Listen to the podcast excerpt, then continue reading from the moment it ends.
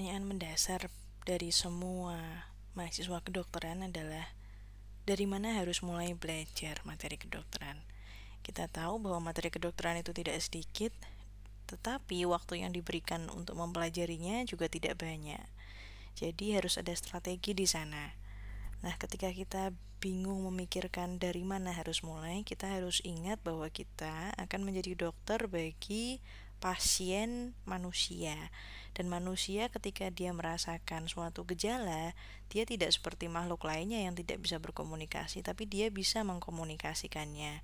Jadi, pasien yang merasakan gejala-gejala tertentu terkait keluhan gangguan kesehatannya, dia akan datang ke dokter dan menceritakan di mana letak sakitnya, di mana letak tidak nyamannya, di mana letak keluhan atau gejalanya timbul. Hal ini akan direspon oleh dokter dengan memikirkan organ apa saja yang kemungkinan terletak pada lokasi yang ditunjuk pasien. Maka dari itu, hal paling logis yang bisa sebagai jawaban dari pertanyaan tadi adalah dari mana mulai belajarnya yaitu dari organ tubuh manusia. Karena tanpa kita mengerti dengan baik organ tubuh manusia, kita tidak bisa memperkirakan organ apa yang kira-kira mengalami gangguan kesehatan dan bagaimana cara membedakan apakah ini organ A yang sakit, bukan organ B, apakah ini organ B yang sakit, bukan yang C, dan seterusnya. Jadi, yang paling mendasar adalah harus mengerti ilmu mengenai organ tubuh. Dalam hal ini adalah ilmu anatomi.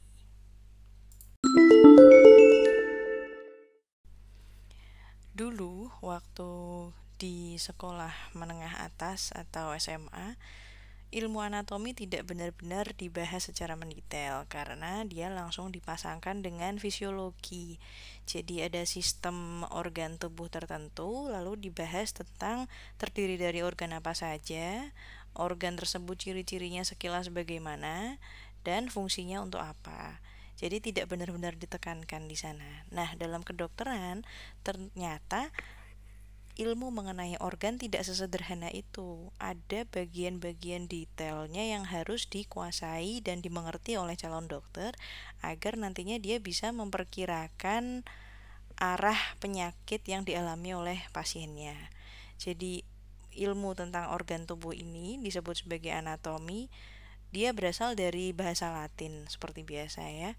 Ana dan tomos. Jadi tomos itu maksudnya memotong dan ana itu maksudnya ke atas. Ini adalah bahasa ilustrasi untuk menggambarkan bagaimana ilmuwan kedokteran di zaman dahulu berusaha untuk membedah atau melakukan diseksi pada mayat manusia atau bangkai pada hewan untuk kemudian digambar sebetulnya ada apa saja organ yang ada di dalamnya kemudian dibedah satu persatu lapis demi lapis hingga akhirnya terkumpul atlas kedokteran seperti yang kalian tahu pada hari ini. Jadi atlas itu sebetulnya memiliki sejarah tersendiri. Dia tidak langsung jadi serta-merta tapi dia melewati banyak perubahan dari sejak mungkin sejarah pertama kali orang yang berani untuk membedah manusia sampai akhirnya di kedokteran modern yang sekarang. Nah, jadi ilmu tentang bagian-bagian tubuh manusia ini atau anatomi ini nanti akan dipelajari dengan sangat detail. Dan kesulitan pertama yang akan kalian temui sebagai mahasiswa kedokteran adalah bahasa yang digunakan di anatomi. Jadi kalian tahu bahwa hampir seluruh ilmu sebetulnya menggunakan bahasa Latin. Termasuk ilmu kedokteran sendiri, dia ada banyak bahasa Latin di sana. Nah, di anatomi nanti juga akan kalian tidak berbicara lagi istilah-istilah dalam bahasa Inggris ataupun bahasa Indonesia. Bahkan buku yang bahasa Inggris sendiri sebetulnya mereka dianjurkan untuk menganut ke bahasa Latin. Jadi nanti akan kalian temukan istilah-istilah yang sama sekali asing tetapi kalian harus cepat-cepat mengadaptasi dan beradaptasi dan menyesuaikan tentang bahasa-bahasa yang asing ini sehingga nantinya kalian langsung bisa memahami maksud dari paragraf-paragraf yang mungkin akan dibaca di buku anatomi. Jadi nanti tantangannya ketika kalian baca satu kalimat dalam buku anatomi, coba kalian sekarang buka itu akan kalian temukan bahasa Indonesianya mungkin hanya pengantar. Jadi seperti yang di terletak hanya seperti itu. Tetapi yang mayoritas kontennya adalah istilah dalam bahasa Latin. Jadi istilah dalam bahasa Latin ini nanti dia disebut sebagai pedoman nomina anatomika. Jadi nomina anatomika nanti kalian bisa cari di Google. Sebetulnya itu adalah kesepakatan internasional yang digunakan untuk membicarakan istilah dalam ilmu anatomi atau ilmu histologi. Histologi kalian tahu dia juga termasuk dari bagian anatomi yaitu anatomi mikros. Nah, kenapa kok semua ilmu itu termasuk di kedokteran dia memakai bahasa Latin padahal bahasa Latin sendiri sebetulnya saat ini sudah mati. Dia tidak ada lagi yang benar-benar berbicara 100% dengan bahasa Latin. Jadi adanya hanya campuran-campuran atau frasa-frasa yang dicampurkan dengan bahasa native-nya negara masing-masing. Mungkin beberapa alasannya adalah yang pertama justru karena dia adalah dead language, dia bahasa mati. Jadi tidak ada perkembangan dari kosakatanya lagi. Jadi sudah fix kalau yang namanya istilah ini ya artinya ini tidak ada pengembangan lagi seperti pada bahasa Indonesia atau bahasa Inggris yang kita tahu semakin tahun semakin banyak istilah baru dan semakin berkembang. Jadi untuk penamaan keilmuan bahasa Latin yang punya sifat seperti ini akan membantu presisi dalam menggambarkan istilah keilmuan. Jadi ketika nanti menggambarkan anatomi, dia bisa menjadi sangat detail dan presisi. Kemudian yang kedua mungkin karena memang sudah jadi kesepakatan umum bahwa dia adalah bahasa yang digunakan para ilmuwan sejak zaman Aristoteles mungkin sejak zaman Hippocrates. Jadi ilmuwan-ilmuwan terdahulu menganggap bahwa ini adalah bahasa orang berpendidikan. Maka dari itu mereka juga menuliskan ilmu yang mereka kuasai dengan bahasa Latin. Sehingga akhirnya kalian sebagai mahasiswa kedokteran di mana pun berada di seluruh dunia dituntut untuk memahami istilah ini. Nantinya ketika kalian belum benar-benar familiar, kalian bisa didampingi oleh kamus kedokteran, Dorlan mungkin atau kalian bisa didampingi oleh Google. Jadi setiap kata atau istilah yang kalian tidak paham dan terasa asing langsung diketikkan di sana untuk mengetahui maksudnya apa. Jadi itu adalah salah satu kelebihan yang dimiliki oleh generasi kalian yang menempuh kuliah kedokteran pada masa sekarang.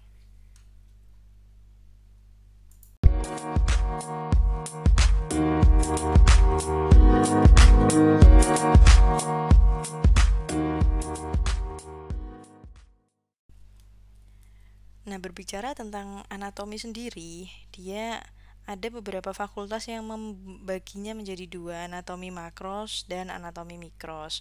Anatomi makros itu biasanya disebut sebagai anatomi atau gross anatomi, sedangkan anatomi mikros itu lebih familiar disebut sebagai histologi. Jadi dia ilmu tentang jaringan. Kalau anatomi makros kalian lihat organnya yang besar, kalau histologi kalian lihat jaringan dan sel apa yang menyusun organ besar tersebut. Jadi sebenarnya mereka masuk dalam kelas yang sama.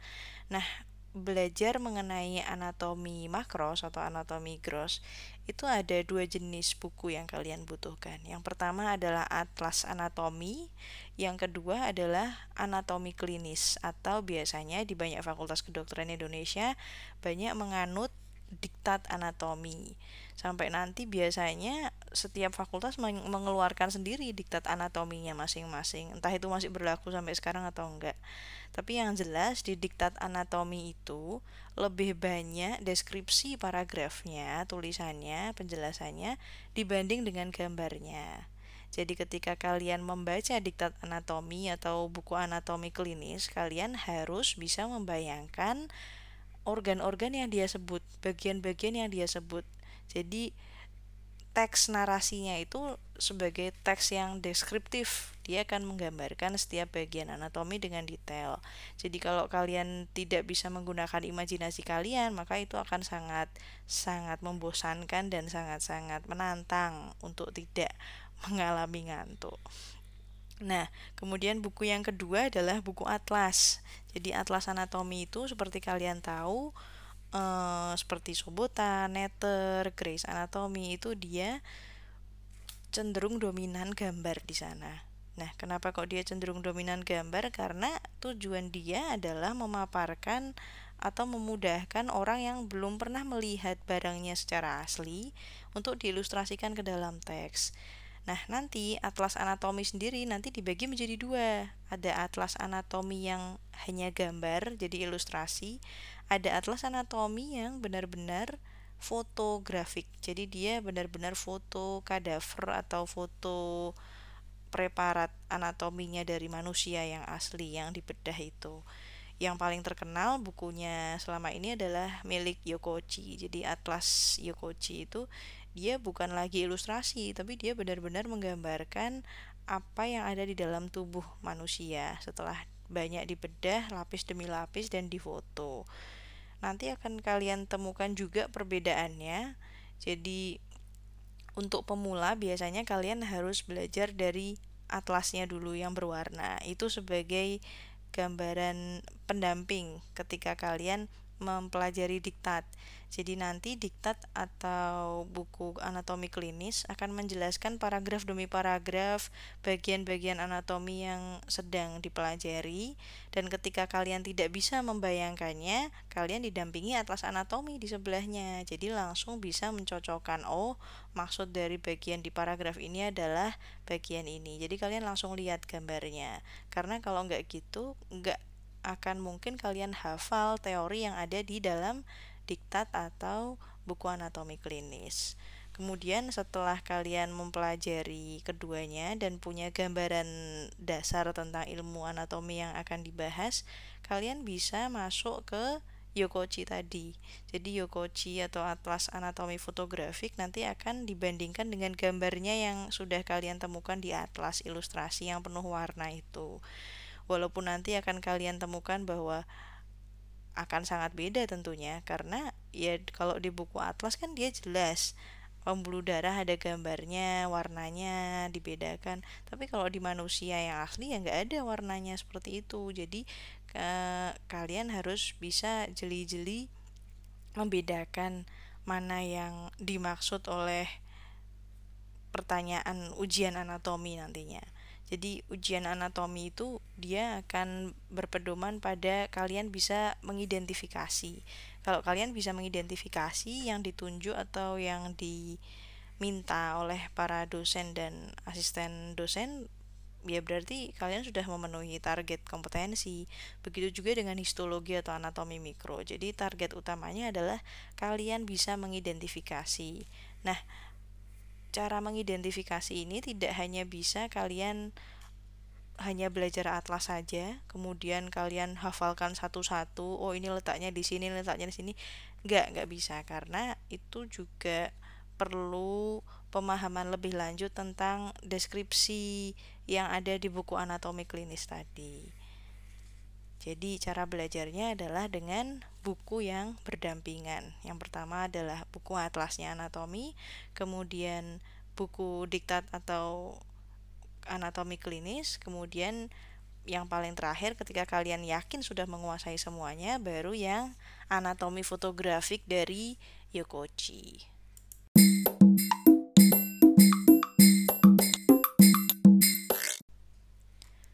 Berbicara tentang setiap organ atau setiap jaringan kerangka atau otot yang nantinya akan dibahas di anatomi makros atau gross anatomi, kalian tidak akan bisa berpisah dari sepaket Indonesia Raya atau sepaket list atau daftar yang harus kalian kuasai dari setiap mempelajari organ itu. Jadi biasanya tertulis pada diktat atau tertulis pada buku anatomi klinis adalah yang pertama, dia mendeskripsikan organ tersebut berasal dari jaringan embriologi apa. Jadi dia memberitahu bahwa sebetulnya dulunya waktu pembentuk, pembentukan organ, dia ini berasal dari jaringan yang apa? apa yang jaringan mesoderm, endoderm, ektoderm atau campuran antar dua dari ketiganya atau bagaimana. Kemudian dia biasanya akan menceritakan lengkap di sana. Jadi ketika pertama kali terbentuk bagaimana, lalu nanti ada perubahan-perubahan yang bagaimana, yang ketika perubahan-perubahan ini tidak ditemui, berarti nanti mungkin akan ada kecacatan fisik ketika lahir. Jadi maksud dari teks anatomi embriologi itu adalah memberi gambaran pada kita ketika kita besok mungkin menemukan pasien dengan kecacatan fisik, kita bisa flashback ke masa kehamilan ibunya di waktu kehamilan bulan tertentu atau minggu tertentu itu yang sedang pembentukan organ tersebut mungkin mengalami gangguan penyakit atau gangguan kesehatan dalam tubuhnya sehingga mempengaruhi proses dari embriologi si janin atau bayi yang dilahirkan. Kemudian yang berikutnya anatom buku anatomi akan bercerita tentang topografi. Topografi ini adalah mendeskripsikan letak organ yang sedang dibahas terhadap posisi organ lainnya. Jadi topografi itu biasanya dibagi menjadi tiga lagi ya. Kalau yang pertama itu dari skeletopi. Skeletopi itu maksudnya organ ini terletak dari di di sekitar rangka yang apa, yang nomor berapa. Jadi misalkan gambarannya lambung-lambung itu terletak atau membentang dari vertebra berapa sampai vertebra berapa. Kemudian trakea dia terletak dari vertebra berapa sampai vertebra berapa. Nah, itu maksudnya adalah skeletopi. Dia mendeskripsikan secara rinci pemetaan organ terhadap posisi rangka atau tulang di sekitarnya. Yang biasa digunakan itu adalah kosta atau iga, kemudian vertebra, kemudian tulang-tulang mm, di sekitar kafum torak atau kafum abdomen.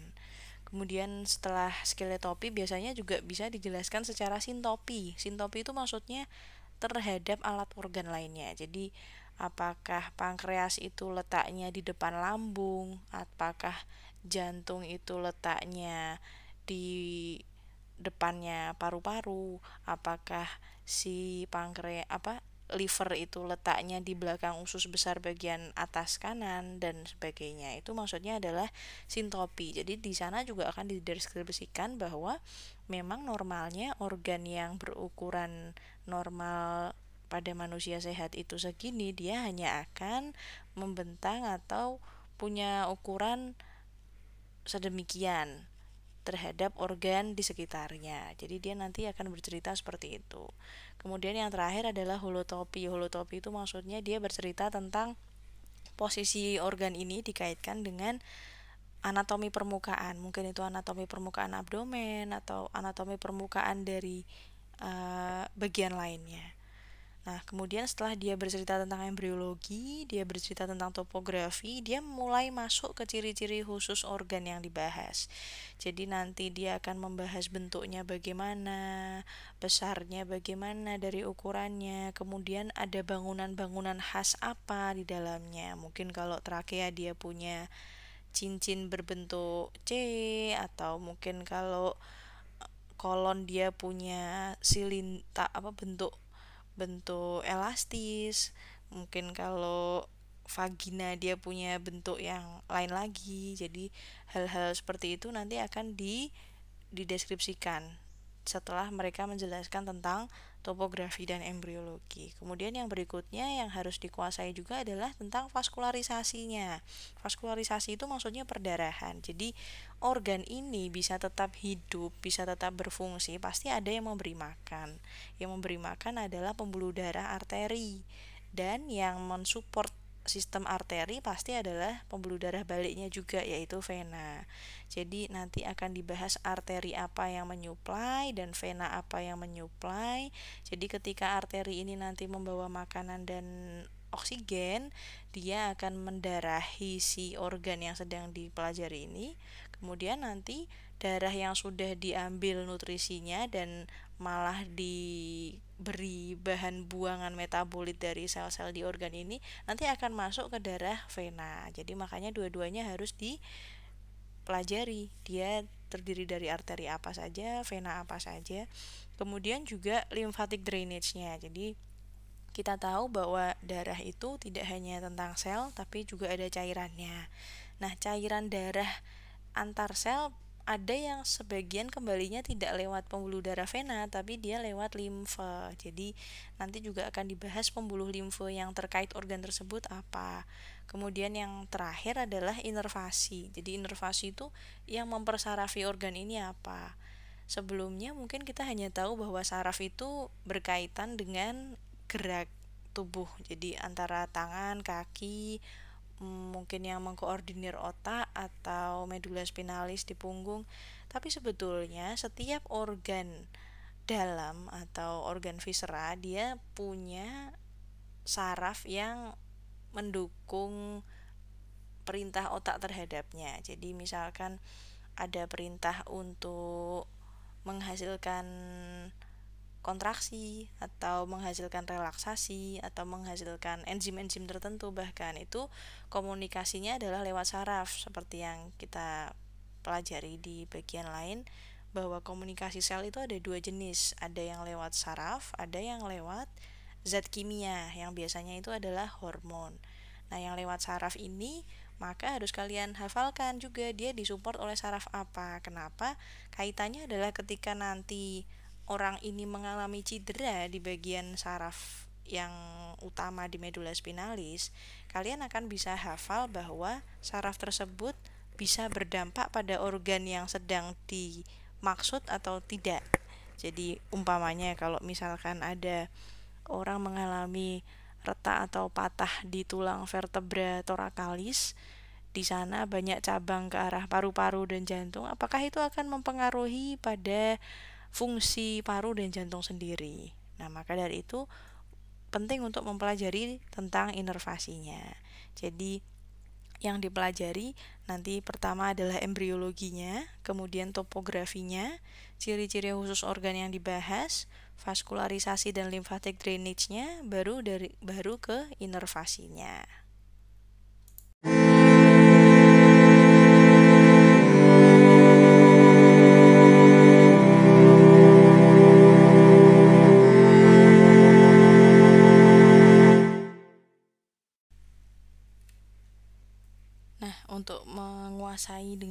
Tentang materi anatomi, tadi di awal sudah dibahas bahwa kalian harus cepat-cepat menyesuaikan dengan bahasa Latin yang mungkin terasa asing ketika kalian awal-awal belajar anatomi.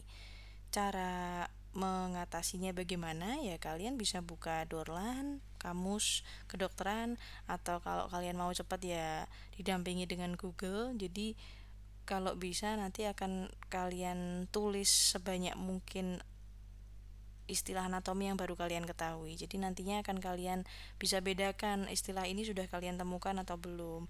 Atau kalau kalian ingin mempelajari pengantarnya terlebih dahulu, bisa kalian lihat di Google ketik aja istilah anatomi dasar, maka nanti akan keluar banyak sekali istilah-istilah yang biasanya dipakai di dalam buku anatomi. Jadi nantinya akan bisa kalian gunakan untuk mengimajinasikan yang dimaksud oleh buku anatomi klinis tadi. Jadi inti dari belajar anatomi adalah sabar. Karena tanpa sabar kalian gak bisa. Memang yang dipelajari adalah pertama gambarnya, kemudian narasi teksnya, dan kemudian kalian juga harus hafal. Mungkin tadi yang arterinya satu organ itu nggak cuma satu dua ada yang bisa sampai lima ada yang bisa sampai tujuh bahkan kemudian venanya juga nggak mungkin satu dua aja pasti juga nanti ada beberapa. Nah hal itu yang biasanya menantang. Jadi harus sabar dan harus kuat hafalannya karena tidak ada tawar menawar lagi. Anatomi memang harus dipelajari. Nanti ketika kalian sudah bisa membayangkan organnya, ciri-ciri setiap organ yang dipelajari di kedokteran, kalian bisa mengkorelasikannya dengan fungsinya. Jadi nanti ketika ada pasien datang menunjuk satu lokasi di perutnya, sakitnya di bagian mana, nanti kalian langsung terbayang sebagai dokter. Oh, di balik yang ditunjuk pasien itu ada organ A, B, C, D dengan ciri-ciri anatomi yang demikian dan fisiologi yang demikian, maka kalau Bapak itu merasakan keluhan yang seperti ini, kecurigaan kalian adalah penyakit terletak di organ ini. Jadi maksudnya itu. Kenapa kalian harus belajar anatomi secara detail, kemudian baru berpindah ke histologi dan baru ke fisiologi.